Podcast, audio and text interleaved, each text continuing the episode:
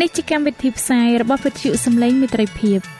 វិទ្យុសំឡេងមេត្រីភាពសូមស្វាគមន៍អស់លោកអ្នកស្ដាប់ទាំងអស់ជាទីមេត្រី នាងខ្ញុំសេកសុចិន្តាវតីហើយខ្ញុំបាទអង្គច័ន្ទវិជ្ជៈក៏សូមស្វាគមន៍លោកអ្នកស្ដាប់ទាំងអស់ផងដែរនៅពេលនេះយើងខ្ញុំមានសេចក្តីសុំមនស្សរីករាយដោយបានវិលមកជួបអស់លោកអ្នកនាងកញ្ញាអ្នកស្ដាប់សាជាថ្មីម្ដងទៀត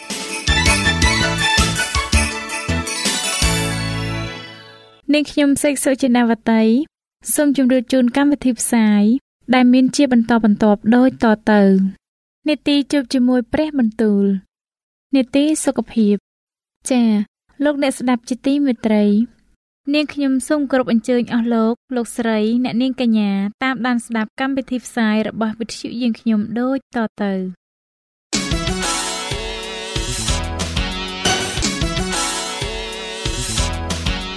នេតិជួបជាមួយព្រះបន្ទូល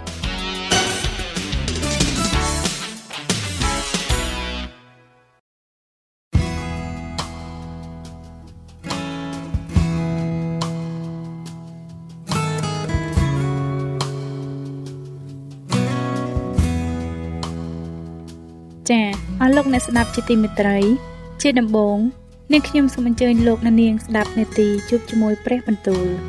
នេតិនេះនឹងលើកយកព្រះបន្ទូល ពីព្រះគម្ពីរអេស្រាដែលនឹងជម្រាបជូនដល់លោកអង្ចាន់វិជ្ជៈដូចតទៅ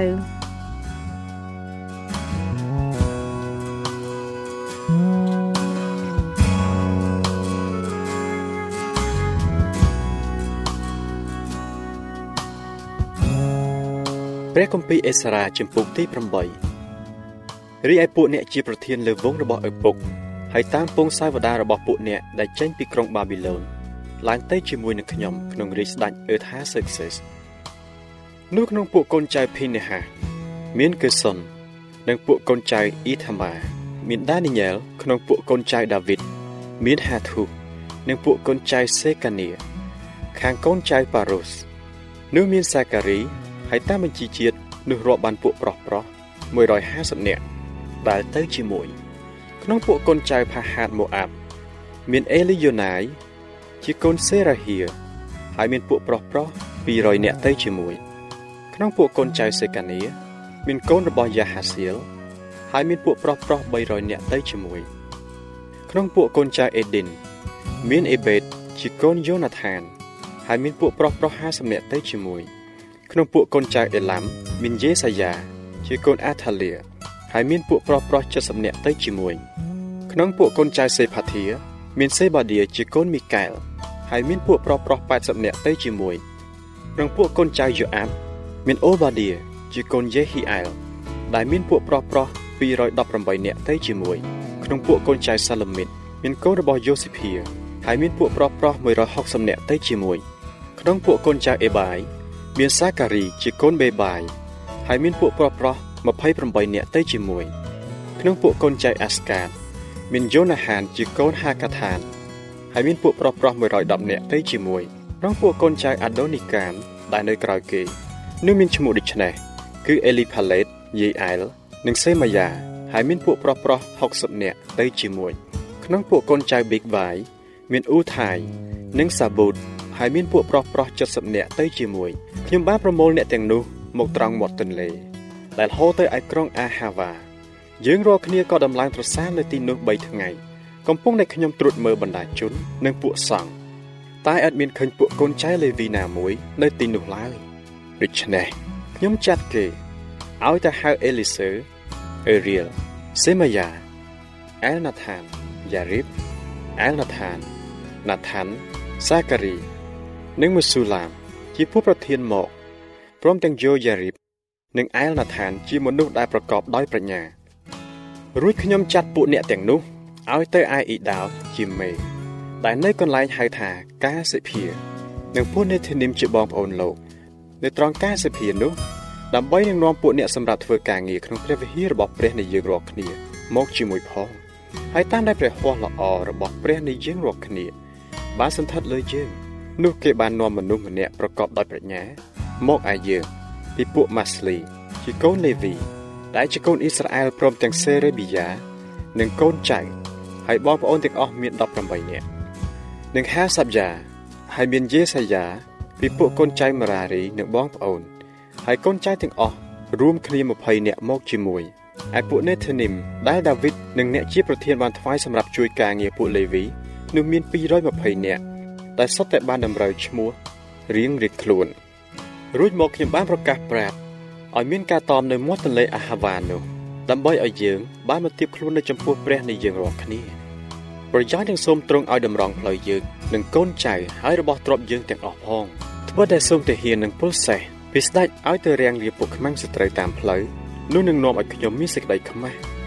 ពីព្រោះយើងបានទូស្ដេចហើយថាព្រះហស្ថនៃព្រះរបស់យើងរាល់គ្នា សន្ធិដ្ឋនៅនឹងអស់អ្នកដែលស្វែងរកទ្រង់ដើម្បីនឹងប្រោះឲ្យបានសេចក្តីល្អតែព្រះចេស្តានិងសេចក្តីក្រើក្រៅនៃទ្រង់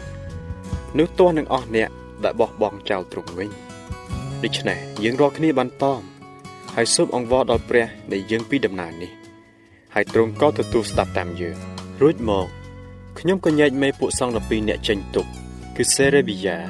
និងហាសាយ៉ាព្រមទាំងបងប្អូនគេ10នាក់ឯទៀតរួចខ្ញុំថ្លឹងប្រាក់ មាសនិងគ្រឿងប្រដាប់ទាំងប៉ុន្មានប្រគល់ដល់គេគឺជាដង្វាយសម្រាប់ព្រះវិហារនៃព្រះរបស់យើងដែលស្ដេចពួកសេនាបតីពួកអ្នកជាប្រធានរបស់ទ្រង់និងពួកអ៊ីស្រាអែលទាំងអស់ដែលនៅទីនោះបានថ្វាយខ្ញុំថ្លឹងប្រាក់650ហាបគ្រឿងប្រាក់100ហាបនិងមាស100ហាប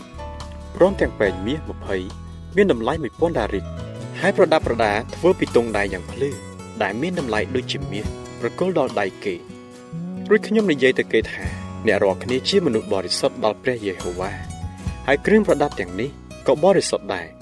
ឯប្រាក់និងមាសនេះ ជាដង្វាយដែលថ្វាយស្ម័គ្រពីចិត្តដល់ព្រះយេហូវ៉ាជាព្រះនៃពួកអាយកោអ្នករាល់គ្នាដូច្នេះជុលប្រុងប្រយ័ត្ននឹងថែរក្សារបស់ទាំងនេះដល់រាប់ដល់អ្នករាល់គ្នាបានថ្លឹងទាំងអស់នៅក្រុងយេរូសាឡឹមប្រគល់នៅចំពោះមេពួកសង្ឃនិងពួកលេវីហើយនឹងពួកដែលជាកំពូលលើវងរបស់ឪពុកសាសអ៊ីស្រាអែល ដាក់ទៅក្នុងបន្ទប់នៃព្រះវិហាររបស់ព្រះយេហូវ៉ារួចជាស្រេចពួកសង្ឃហើយនឹងពួកលេវីក៏ទទួលយកប្រាក់មាសនិងគ្រឿងប្រដាប់ទាំងនោះតាមទម្ងន់ដើម្បីនឹងយកទៅដាក់នៅក្នុងព្រះវិហារនៃព្រះ ជាព្រះរបស់យើងរាល់គ្នានៅក្រុងយេរូសាឡឹមរួចមកនៅថ្ងៃទី12ខែចែកនោះយើងរាល់គ្នាបានធ្វើដំណើរចេញពីទន្លេអាហាវ៉ាដើម្បីនឹងទៅឯក្រុងយេរូសាឡឹមព្រះហស្ថនៃព្រះរបស់យើងក៏សន្ធិដ្ឋនៅជាមួយ ហើយទ្រង់ជួយឲ្យយើងរួចពីកណ្ដាប់ដៃ នៃពួកខ្មាំងសត្រូវនិងពួកចោតដែលបង្កប់ខ្លួនតាមផ្លូវផងយើងរាល់គ្នាក៏បានដល់ក្រុងយេរូសាឡឹមហើយបាននៅទីនោះអស់3ថ្ងៃលុះដល់ថ្ងៃទី4នោះយើងថ្លឹងប្រាក់មាសនិងគ្រឿងប្រដាប់ទាំងប៉ុន្មានប្រគល់ដល់ដៃម៉ារ៉េម៉ូតជាកូនអេរីយ៉ាដ៏ជាសង្ឃនៅក្នុងព្រះវិហារនៃព្រះរបស់យើងរាល់គ្នា មានអេលីសាជាកូនភីនេហាព្រមទាំងយូសាបាត ជាកូនយេស៊ូនិងណូអាឌៀ ជាកូនប៊ីនុយជាពួកលេវីនៅជាមួយដែរគេត្រួតមើលទាំងអស់តាមចំនួនតាមទម្ងន់ហើយក៏កត់ទុកនៅវេលានោះឯងឯពួកអ្នកដែលបានត្រឡប់ពីសន្តានជាឆ្លើយមកវិញគេក៏ថ្វាយដង្វាយដុតដល់ព្រះនៃសាសអ៊ីស្រាអែលគឺគោឈ្មោល12ឲ្យពួកអ៊ីស្រាអែលទាំងអស់ព្រមទាំងជាមឈ្មោល96កូនជាម77និងពពែ12សម្រាប់ជាដង្វាយលក់បាបនោះសុទ្ធតែជាដង្វាយដុតថ្វាយដល់ព្រះយេហូវ៉ាទាំងអស់ គេក៏ប្រគល់ព្រះរាជសារដល់នាយកតំណាងស្ដេចនិងចៅវាយខេតនៅខាងនេះទន្លេហើយលោកទាំងនោះក៏ជួយចម្រើនដល់ពួកបណ្ដាជននិងព្រះវិហារនៃព្រះព្រះគម្ពីរអេសារ៉ាជំពូកទី9កាលការទាំងនោះបានសម្រេចអស់ហើយនៅពួកអ្នកជាប្រធានក៏មកឯខ្ញុំនិយាយថាពួកអ៊ីស្រាអែលទាំងប៉ុន្មានព្រមទាំងពួកសង្ឃនិងពួកលេវីមិនបានញែកខ្លួនចេញពីពួកអ្នកស្រុកនេះទេ គឺគេប្រព្រឹត្តតាមអំពើគូស្អប់ខ្ពើមរបស់ពួកសាសកាណាន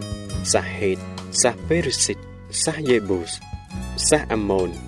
សាសម៉ូអាប់សាសអេស៊ីបនិងសាសអាម៉ូរីវិញត្បិតគេបានយកកូនស្រីក្រមុំនៃសាសទាំងនោះសម្រាប់ខ្លួនគេ និងសម្រាប់កូនប្រុសគេដែរយ៉ាងនោះពួកបរិសុទ្ធបានលីឡំនឹងពួកអ្នកស្រុកទាំងនោះហើយក៏ពួកអ្នកជាប្រធាន និងពួកចៅវាយជាលេខ1ក្នុងការរំលងនេះដែរ កាលខ្ញុំបានលើសេចក្តីនោះខ្ញុំក៏ហែកសម្លៀកបំពាក់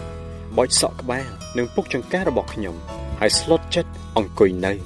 គ្រានោះអស់អ្នកណាដែលញាប់ញ័រចំពោះព្រះបន្ទូលនៃព្រះរបស់សាសអ៊ីស្រាអែលគេក៏មូលគ្នាមកឯខ្ញុំដោយព្រោះអំពើរំលងរបស់ពួកអ្នកដែលមកពីឆ្លើយនោះតែខ្ញុំស្លុតចិត្តអង្គុយនៅដល់រាប់ដល់ពេលដង្វាយល្ងាចនៅពេលថ្វាយដង្វាយល្ងាចនោះខ្ញុំបានក្រោកពីទុកព្រួយនោះឡើង មានទាំងអាវក្នុងនិងអាវក្រៅរហែករួចខ្ញុំផ្ដួលខ្លួនក្រាបចុះលើកដៃប្រទូលទៅឯព្រះយេហូវ៉ាជាព្រះនៃខ្ញុំទូលថា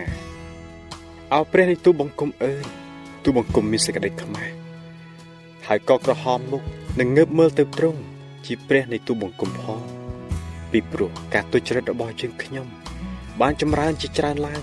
ដល់លេចក្បាលយើងខ្ញុំហើយទោសរបស់យើងខ្ញុំក៏កើតឡើងដល់ផ្ទៃមេឃដែរ ចាប់តាំងពីគ្រាពួកឯយកោយើងខ្ញុំដល់រាប់មកដល់សពថ្ងៃនេះយើងខ្ញុំមានទោសជាទម្ងន់ក្រៃពេកហើយដោយព្រោះអំពើទុច្ចរិតរបស់យើងខ្ញុំ បានជាយើងខ្ញុំព្រមទាំងពួកស្ដេចនិងពួកសង្ឃរបស់យើងខ្ញុំបានត្រូវប្រគល់ទៅ ក្នុងកំដាប់ដៃនៃពួកស្ដេចស្រុកដតីដល់ដាវដល់សន្តានជាឆ្លើយដល់ការរឹបជាន់ហើយដល់សេចក្តីអាម៉ាស់ខ្មាស់ដូចជាមានសពថ្ងៃនេះហើយឥឡូវ នៅវេលាមួយផ្លែតនេះមានព្រះគុណសម្ដែងមកដល់យើងខ្ញុំ អំពីព្រះយេហូវ៉ាជាព្រះនៃយើងខ្ញុំឲ្យបានអ្នកខ្លះរួចចេញហើយឲ្យបានបង្គោលមួយ នៅក្នុងទីបរិសុទ្ធរបស់ទ្រង់ប្រយោជន៍ឲ្យព្រះនៃយើងខ្ញុំបានបំភ្លឺភ្នែកយើងខ្ញុំហើយប្រោះឲ្យយើងខ្ញុំបានរស់ឡើងវិញបន្តិចនៅក្នុងការបម្រើគេនេះបិទយើងខ្ញុំជាបាវបម្រើគេមែនតែព្រះនៃយើងខ្ញុំមិនបានបោះបង់ចោលយើងខ្ញុំ កំពុងតែនៅបម្រើគេនោះទេ គឺបានផ្ដល់សេចក្តីសប្បុរសមកយើងខ្ញុំឲ្យបានរស់ឡើងវិញបន្តិច នៅភ្នែកនៃពួកស្ដេចសាសពើស៊ីផងដើម្បីនឹងតាំងព្រះវិហារនៃព្រះរបស់យើងខ្ញុំហើយជួសជុលទីបាក់បែកឡើងវិញព្រមទាំងឲ្យមានកំផែងនៅស្រុកយូដានិងក្រុងយេរូសាឡឹមឡើងផង តែឥឡូវនេះអោព្រះនៃយើងខ្ញុំអើយដែលមានការយ៉ាងនេះនោះតែយើងខ្ញុំនឹងថាដូចម្ដេចទៅត្បិតយើងខ្ញុំ បានបោះបង់ចោលក្រិតក្រមទាំងប៉ុន្មានរបស់ទ្រង់ចេញជាសេចក្តីដែលទ្រង់បានបង្គាប់មកដោយសារពួកហោរាជាអ្នកបម្រើទ្រង់ថាស្រុកដែលឯងរកគ្នាចូលទៅចាប់យកនោះ ជាស្រុកស្មោកគ្រោកដោយព្រោះការស្មោកគ្រោករបស់ពួកសាសដតីដែលនៅស្រុកនោះហើយដោយព្រោះការគួស្អប់ខ្ពើមដែលគេបានប្រព្រឹត្តឲ្យស្រុកនោះបានពេញដោយសេចក្តីស្មោកគ្រោករបស់គេ ចាប់តាំងពីចុងម្ខាងដល់ចុងម្ខាងដូច្នេះកុំឲ្យឯងរកគ្នា លើកកូនស្រីរបស់ខ្លួនឲ្យទៅកូនប្រុសរបស់គេឡើយក៏កុំឲ្យយកកូនស្រីរបស់គេមកឲ្យកូនប្រុសរបស់ឯងឬរកសេចក្តីសុខដល់គេឬឲ្យគេបានចម្រើនឡើងដែរប្រយោជន៍ឲ្យឯងរកគ្នាមានកម្លាំងហើយឲ្យបានចំអែតដោយផលល្អរបស់ស្រុកនោះព្រមទាំងទុកជាមរតកដល់កូនចៅឯងរកគ្នាតរៀងទៅដូច្នេះក្រោយអស់ទាំងការដែលបានកើតដល់យើងខ្ញុំដោយព្រោះអំពើអាក្រក់និងទោសរបស់យើងខ្ញុំ ដែលមានទម្ងន់ជាខ្លាំងម្ល៉េះទោះបើត្រង់អោព្រះនៃយើងខ្ញុំអើយទ្រង់មិនបានធ្វើទោសដល់យើងខ្ញុំឲ្យស្មើនឹងការទុច្ចរិតរបស់យើងខ្ញុំទេហើយបានទាំងប្រោះឲ្យយើងខ្ញុំមានសំណល់រួចចេញដូច្នេះផងឥឡូវនេះតើយើងខ្ញុំនឹងវិលទៅប្រព្រឹត្តរំលងក្រិតក្រមរបស់ទ្រង់ទៀតដោយភ្ជាប់ញាតនឹងពួកសាសនោះឯងដែលប្រព្រឹត្តការគួរស្អប់ខ្ពើមទាំងនោះឬអីបើធ្វើដូច្នោះតែទ្រង់ មិនមានសេចក្តីក្រោធដល់យើងខ្ញុំដល់រាប់ដល់ទ្រង់បានបំផ្លាញអស់រលីងទេឬអីឥតឲ្យមានសំណល់សល់ឬអ្នកណាឲ្យបានរួចឡើយអោព្រះយេហូវ៉ាជាព្រះនៃសាសអ៊ីស្រាអែលអើយទ្រង់សុចរិតត្បិតយើងខ្ញុំមានតែសំណល់ដែលបានរួចប៉ុណ្ណោះទេ ដូចជាសពថ្ងៃនេះ មើលយើងខ្ញុំនៅចំពោះទ្រង់មានជាប់ទាំងទោសផងត្បិតក្នុងអំពើនេះ គ្មានអ្នកណានឹងឈរនៅចំពោះទ្រង់បានឡើយ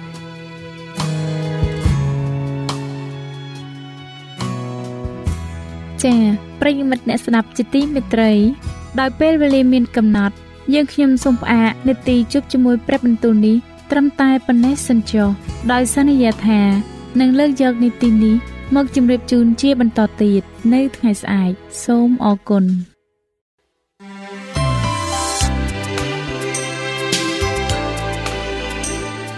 វិទ្យុសំឡេងមេត្រីភាព AWR នាំមកជូនលោកអ្នកនៅសារនៃសេចក្តីស្រឡាញ់ពីព្រះអង្គម្ចាស់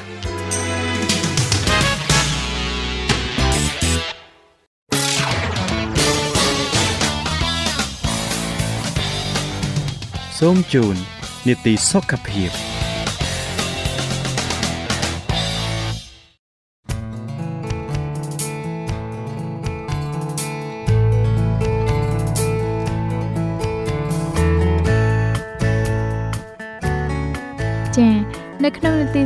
នៅថ្ងៃនេះ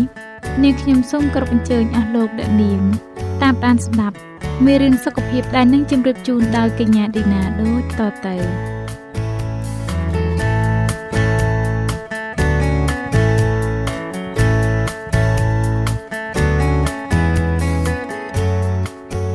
ចា៎នេះខ្ញុំសូមជម្រាបសួរដល់អស់លោកអ្នកស្ដាប់ជាទីមេត្រីសូមឲ្យលោកអ្នកបានប្រកបដោយព្រះគុណនិងសេចក្តីសុខសាន្តអំពីព្រះដ៏ជាព្រះវរបិតានៃយើងហើយអំពីព្រះអម្ចាស់យេស៊ូវគ្រីស្ទនេះខ្ញុំមានអំណរណាស់ដែលបានវិលមកជួបលោកអ្នកស្រាវជ្រាវថ្មីនៅក្នុងនីតិសុខភាពនេះម្ដងទៀតការពិភាក្សាទី1លោកអ្នកបានស្ដាប់ពីគូស្វាមីភរិយា4គូដែលមានវ័យចំណាស់ជាងគេ ហើយនៅថ្ងៃនេះនាងខ្ញុំសូមលើកយកមេរៀនដដែលដែលមានចំណងជើងថាចំណងអារម្មណ៍ចិត្តស្និទ្ធចាតើមានកត្តាអ្វីខ្លះទៀតដែលធ្វើឲ្យអាពាហ៍ពិពាហ៍តែមានភាពផ្អែមល្ហែមនិងយូរអង្វែងទៅបានដូច្នេះនាងខ្ញុំសូមគោរពអញ្ជើញលោកអ្នកតាមដានស្ដាប់មេរៀនសុខភាពរបស់យើងខ្ញុំដែលនិយាយពីចំណងអារម្មណ៍ចិត្តស្និទ្ធភាគទី2នេះដូចតទៅ ចាចំណុចទី3និយាយពីការស្រាវជ្រាវស្ដីអំពីអាពាហ៍ពិពាហ៍អាយុយឺនយូរភាពកក់ក្ដៅរបស់ឪពុកម្ដាយនិងសេចក្តីត្រូវការចាប់ផ្ដើមពីអាយុទាបត្រឹម48ឆ្នាំបរិសុទ្ធ90%ដែលបានរៀបការរួចនិងនៅរស់នៅនៅឡើយពេលពួកគេមានអាយុដល់65ឆ្នាំបើមិនបានរៀបការហើយមានតែ60%នៃបរិសុទ្ធទាំងនោះទេដែលបានរស់នៅឡើយពេលពួកគេមានអាយុដល់65ឆ្នាំស្ត្រីដែលបានរៀបការរួចមុខជាមានសុខភាពល្អជាងស្ត្រីដែលនៅលីវការស្រាវជ្រាវមួយបានរកឃើញថាភរិយាទាំងឡាយប្រមាណជា30%អាចនឹងវិតម្លៃថាសុខភាពពួកគេឥតខ្ចោះឬល្អខ្លាំងជាងស្ត្រីដែលមានអាយុស្រករគ្នា តែនៅលាវហើយស្ទើរតែ40%មិននិយាយថាសុខភាពរបស់ពួកគេមានកម្រិតត្រឹមមធ្យមឬខ្សោយនៅឡើយសម្រាប់ស្ត្រីចំណងអភិភិភាបង្កើនលទ្ធភាពមានជីវិតរស់នៅរហូតដល់ចាស់ចាប់ពីប្រមាណជា80%ទៅលើសពី90%អភិភិភាគឺជារឿងដែលល្អមួយ ពិធីនេះចាប់ផ្ដើមមានជាយូរយារមកហើយតាំងពីនៅក្នុងសួនអេដានមកម្លេះហើយក៏នៅតែជាផ្នែកមួយនៃផែនការរបស់ព្រះជាម្ចាស់សម្រាប់យើងសប្តាហ៍ថ្ងៃនេះព្រះបានប្រទានប្រពន្ធមួយឲ្យទៅអាដាមសម្រាប់ធ្វើជាដៃគូនិងជាមិត្តជិតស្និទ្ធដល់គាត់ប៉ុន្តែបន្ទាប់ពីការធ្លាក់ក្នុងអំពើបាបមិនថាល្អឬអាក្រក់ទេអភិភិភាគឺជាការបញ្ញាមួយជីវិតជាមួយគ្នា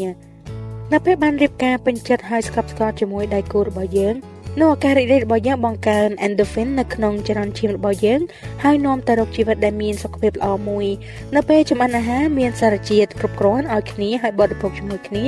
កត្តានេះក៏ជួយផ្ដល់ឲ្យជីវិតមានសុខភាពល្អ នៅពេលម្នាក់ពិបាកចិត្តនិងបាក់ទឹកចិត្តហើយម្នាក់ទៀតមកកំសាន្តចិត្តនេះក៏ជាកត្តាដែលជួយផ្ដល់ឲ្យមានសុខភាពល្អសម្បីតែមានម្នាក់ធ្លាក់ខ្លួនឈឺហើយម្នាក់ទៀតជួយថែទាំគ្នានេះក៏ជាកត្តាដែលជួយឲ្យមានជីវិតសុខភាពល្អនិងមានអាយុវែងដែរនៅពេលនាងមីលីធ្លាក់ខ្លួនឈឺរាប់ខែដោយជំងឺមហារីកចនជាប្តីបានតស៊ូបដូរផ្ដាច់សម្រាប់ជីវិតរបស់នាងបើគ្មានគាត់ម្លេះនាងមិនអាចរស់នៅបានទេមែនហើយអភិភិភាគឺជារឿងល្អ អភិភិភាមួយដែលធ្វើតាមផែនការសួនអេដានរបស់ព្រះជាម្ចាស់រមែងនាំមកនៅសុភមង្គលដល់ស្វាមីនិងភរិយាការបង្កើតឲ្យមានបរិយាកាសប្រកបដោយសេចក្តីស្រឡាញ់ដោយកូនកូនទទួលបានអារម្មណ៍កក់ក្ដៅហើយមានតម្លៃការសិក្សាតាមបែបវិទ្យាសាស្ត្របានចេញជាឯកសារថានៅពេលកូនកូនទទួលបានអារម្មណ៍កក់ក្ដៅពីឪពុកម្ដាយរបស់ពួកគេកូនកូនទាំងនេះនឹងមានសុខភាពល្អប្រសើរជាងមុន ការសិក្សាមួយនៅឯសាកលវិទ្យាល័យ Harvard ដោយបណ្ឌិត Stanley King និងអ្នកខ្លះទៀតបានជ្រើសរើសសិស្សប្រុសៗដែលមានសុខភាពល្អចំនួន126នាក់ពីថ្នាក់រៀនផ្សេងៗក្នុងសាកលវិទ្យាល័យ Harvard ហើយបានធ្វើការតាមដានពួកគេអស់រយៈពេល35ឆ្នាំដែលមានកំណត់ត្រាទាំងប្រវត្តិចិត្តវិទ្យានិងសុខភាពរបស់ពួកគេយ៉ាងពិស្ដារ មានតែ47%នៃអ្នកទាំងឡាយដែលយល់ថាពួកគេមានទំនាក់ទំនងចិត្តដិតនិងកក់ក្ដៅពីកុមារភាពជាមួយឪពុកម្ដាយប៉ុណ្ណោះដែលមានជំងឺនៅពាក់កណ្ដាលអាយុផ្ទុយទៅវិញ100%នៃបរិសដែលយល់ថាខ្លួនទទួលបានភាពជិតស្និទ្ធនិងកក់ក្ដៅតិចពីឪពុកម្ដាយមានជំងឺនៅពាក់កណ្ដាលអាយុ ចូលកត់សម្គាល់ពីអត្តពលដ៏សម្បើមនៃភាពកក់ក្ដៅនិងភាពស្និទ្ធស្នាលទៅលើសុខភាពជីវិត មនុស្សដែលរៀបការរួចមិនឯកោដូចអ្នកដែលនៅលាវពេកទេ ការសិក្សាមួយស្ដីពីភាពឯកោទៅលើជាតិសាសន៍ចំនួន17បានរកឃើញថាអភិភិភាមានជាប់ពាក់ព័ន្ធទៅនឹងភាពឯកោកម្រិតទាបជាងការដែលនៅលាវមិនថានៅលាវឬរៀបការហើយទេយើងទាំងអស់គ្នាតែមានសេចក្តីត្រូវការជាពិសេសពោគឺត្រូវការឲ្យគេស្រឡាញ់ នៅក្នុងអភិភិភាមានដៃគូដែលរស់នៅជាមួយ ដែលជាមិត្តបំបត្តិភាពឯកោដែលស្រឡាញ់យើងសុភមង្គលក្នុងអភិភិពាមិនមែនគ្រាន់តែជាការប៉ុនប៉ងចង់ផ្គប់ចិត្តតាមសេចក្តីត្រូវការរបស់ដៃគូនោះទេ តែវាជាការឈោងដៃទៅបំពេញតាមសេចក្តីត្រូវការដ៏ពិតរបស់ដៃគូវិញវិធីនេះជួយរក្សាគូស្វាមីឲ្យនៅស្អិតរមួតហើយមានទំនាក់ទំនងរឹងមាំ លោក Willard F. Harley Jr. ជាអ្នកចិត្តសាស្ត្រប្រចាំ clinic ហើយជាអ្នកដោះស្រាយបញ្ហាគ្រួសារនិងអភិភិពាបានរកឃើញថាប្តីនិងប្រពន្ធបានបង្ហាញពីសេចក្តីត្រូវការក្នុងអភិភិពាដូចតទៅនេះចំណុចកសេចក្តីត្រូវការរបស់ភរិយា ទី1ត្រូវការភាពស្និទ្ធស្នាលទី2ត្រូវការការសន្ទនាទី3ត្រូវការភាពស្មោះត្រង់និងមិនលាក់លៀមទី4ត្រូវការទំនុកបំរុងលុយកាក់ទី5ត្រូវការការបញ្ញាដើម្បីគ្រួសារ ចំណុចខសេចក្តីត្រូវការរបស់ស្វាមី ទី1ត្រូវការខាងចំណងផ្លូវភេទទី2ត្រូវការដៃគូលំហាកំសាន្តទី3ត្រូវការប្រពន្ធដែលមានភាពតាក់ទាញទី4ត្រូវការទំនុកបំរុងផ្ទះសម្បែងទី5ត្រូវការការកោតសរសើរ ចាសេចក្តីត្រូវការទាំងនេះអាចមិនមែនជាសេចក្តីត្រូវការរបស់គូស្វាមីភរិយាទាំងអស់ទេពីព្រោះគូស្វាមីភរិយាខ្លះមានសេចក្តីត្រូវការជាក់លាក់ផ្សេងពីនេះដូច្នេះប្តីនិងប្រពន្ធត្រូវសួរខ្លួនឯងថាតើខ្ញុំកំពុងធ្វើអ្វីដើម្បីបំពេញនូវសេចក្តីត្រូវការរបស់ដៃគូរបស់ខ្ញុំគូស្វាមីទាំងឡាយមិនត្រូវគ្រាន់តែចង់បំពេញនូវសេចក្តីត្រូវការដល់គ្នាទៅវិញទៅមកនោះទេប៉ុន្តែពួកគេត្រូវតែព្យាយាមដោះបំពេញសេចក្តីត្រូវការទាំងនោះ លោកបណ្ឌិត Willard F. Hawley ជំនាញមានប្រសាសន៍ថាគោលបំណងដ៏ចម្បងក្នុងការព្យាបាលបញ្ហាប្តីឬប្រពន្ធបានផ្លាស់ប្ដូរពីដោះស្រាយចំនួនទៅជាការស្ដារសេចក្តីស្រឡាញ់ឡើងវិញបើសិនខ្ញុំដឹងពីវិធីស្ដារសេចក្តីស្រឡាញ់ឡើងវិញខ្ញុំទាំងថ្លែងហេតុផលនោះដំណោះស្រាយចំនួនមិនអោយដំណោះស្រាយចំនួនអាចមិនមែនជាបញ្ហាដុំកំភួនទេ ចាចំណុចទី4និយាយពីការស្ថាបនាចំណងអារម្មណ៍ចិត្តស្និទ្ធតើលោកអ្នកសាងនៅភាពចិត្តស្និទ្ធនិងស្អិតរមួតក្នុងអភិភិពារបស់លោកអ្នកដោយវិធីណាកត្តាទី1ដែលមានវត្តមាននៅពេលដៃគូរបស់លោកអ្នកត្រូវការអ្នកបំផុតកត្តាទី2ដោយទទួលជោគជ័យលើភាពអាត្មានិយមកត្តាទី3ដោយបណ្ដាក់ទុនក្នុងទំនាក់ទំនងចំណងអភិភិពារបស់លោកអ្នក យើងខ្ញុំសូមលើកទឹកចិត្តដល់គូស្វាមីភរិយាទាំងឡាយឲ្យមានពេលពិភាក្សាគ្នាយ៉ាងស្និទ្ធស្នាលដោយមុខទល់នឹងមុខភ្នែកទល់នឹងភ្នែកតាក់ទងទៅនឹងសេចក្តីត្រូវការរបស់ម្នាក់ម្នាក់ហើយរកវិធីដែលពួកគេអាចបំពេញសេចក្តីត្រូវការឲ្យគ្នាទៅវិញទៅមកឲ្យបានល្អតាមមើលទៅវិធីវិសេសបំផុតសម្រាប់បំពេញសេចក្តីត្រូវការផ្នែកអារម្មណ៍នោះគឺដោយការមានវត្តមាននៅទីនោះនៅពេលប្តីឬប្រពន្ធត្រូវការលោកអ្នកបំផុតពោលគឺជួយនៅពេលមានកិច្ចការច្រើនពេកមិនអាចធ្វើឬដោះស្រាយបាន នៅពេលយើងអាចធ្វើបែបនេះបានយើងអាចបង្ហាញនៅសេចក្តីស្រឡាញ់ពិតប្រាកដមិនមែនជាសេចក្តីស្រឡាញ់បែបអាត្មានិយមដែលទាំងនេះហើយដែលជាគោលដៅពិតនៃអភិភិពានេះគឺជាភាពចម្បងដ៏សំខាន់បំផុតសម្រាប់ទំនាក់ទំនងអភិភិពាដែលមានសុភមង្គលសប្តាហ៍ថ្ងៃនេះបញ្ហាទី1នៅក្នុងអភិភិពាគឺជាភាពអាត្មានិយម បើសិនជាខ្ញុំជាប់រវល់តែនឹងសេចក្តីត្រូវការរបស់ខ្ញុំពេករហូតដល់ខ្ញុំគ្មានពេលគិតអំពីសេចក្តីត្រូវការរបស់អ្នកនោះអភិវិពារបស់យើងអាចនឹងមិនបានពេញលេញទាំងស្រុងទេ ហើយអាចមានបញ្ហាជាមិនខានចាប្រសិនបើភរិយាមានតម្លៃមែនតើទង្វើមិនអាត្មានិយមបែបណាខ្លះដែលប្តីគួរធ្វើសម្រាប់នាងទង្វើទាំងនោះរួមមានចំណាយពេលប្រស្រ័យតាក់ទងគ្នារៀបគម្រោងកម្មវិធីប្រចាំគ្រួសារធ្វើការសម្រេចចិត្តជាមួយគ្នាផ្ដល់នូវការអោបប្រកបដោយសេចក្តីស្រឡាញ់ជួយកិច្ចការផ្ទះផ្ដល់ស្ថិរភាពខាងហិរញ្ញវត្ថុតើមានហេតុផលអាត្មានិយមអ្វីខ្លះដែលរារាំងទង្វើនៃសេចក្តីស្រឡាញ់ហេតុផលទាំងនេះមានដូចជាខ្ញុំត្រូវនៅប្រើកុំព្យូទ័រខ្ញុំត្រូវមើលការប្រកួតនេះខ្ញុំអស់កម្លាំងណាស់ចូលសិនចានគិតអំពីហេតុផលទាំងនេះទៅមើលភរិយាក៏ដូចគ្នាដែរតើនាងសុខចិត្តលះបង់ពេលវេលាឬកម្លាំងដើម្បីប្តីនាងទេតើព្រមចូលរួមជាមួយគាត់ពេលដើរលំហែទៅសួរសុខទុក្ខសាច់ថ្លៃ ចំអិនអាហារមានជីវជាតិស្លៀកពាក់បែបគួរឲ្យតាក់ទាញសម្រាប់គាត់និងធ្វើខ្លួនឲ្យផ្អែមល្ហែមទេត្បិតគឺជាជំរើសនៃសេចក្តីស្រឡាញ់ដើម្បីបោះបង់ចោលចំណងបែបអាត្មានិយមដើម្បីបំពេញសេចក្តីត្រូវការរបស់មនុស្សជាទីស្រឡាញ់សាពិចារណាយកការអធិដ្ឋានជាមួយគ្នាទូលសូមឲ្យព្រះជួយក្នុងការសម្រេចចិត្តដែលមិនអាត្មានិយមហើយពោពេញដោយសេចក្តីស្រឡាញ់ដែលនឹងជួយបំពេញសេចក្តីត្រូវការដល់គ្នាទៅវិញទៅមក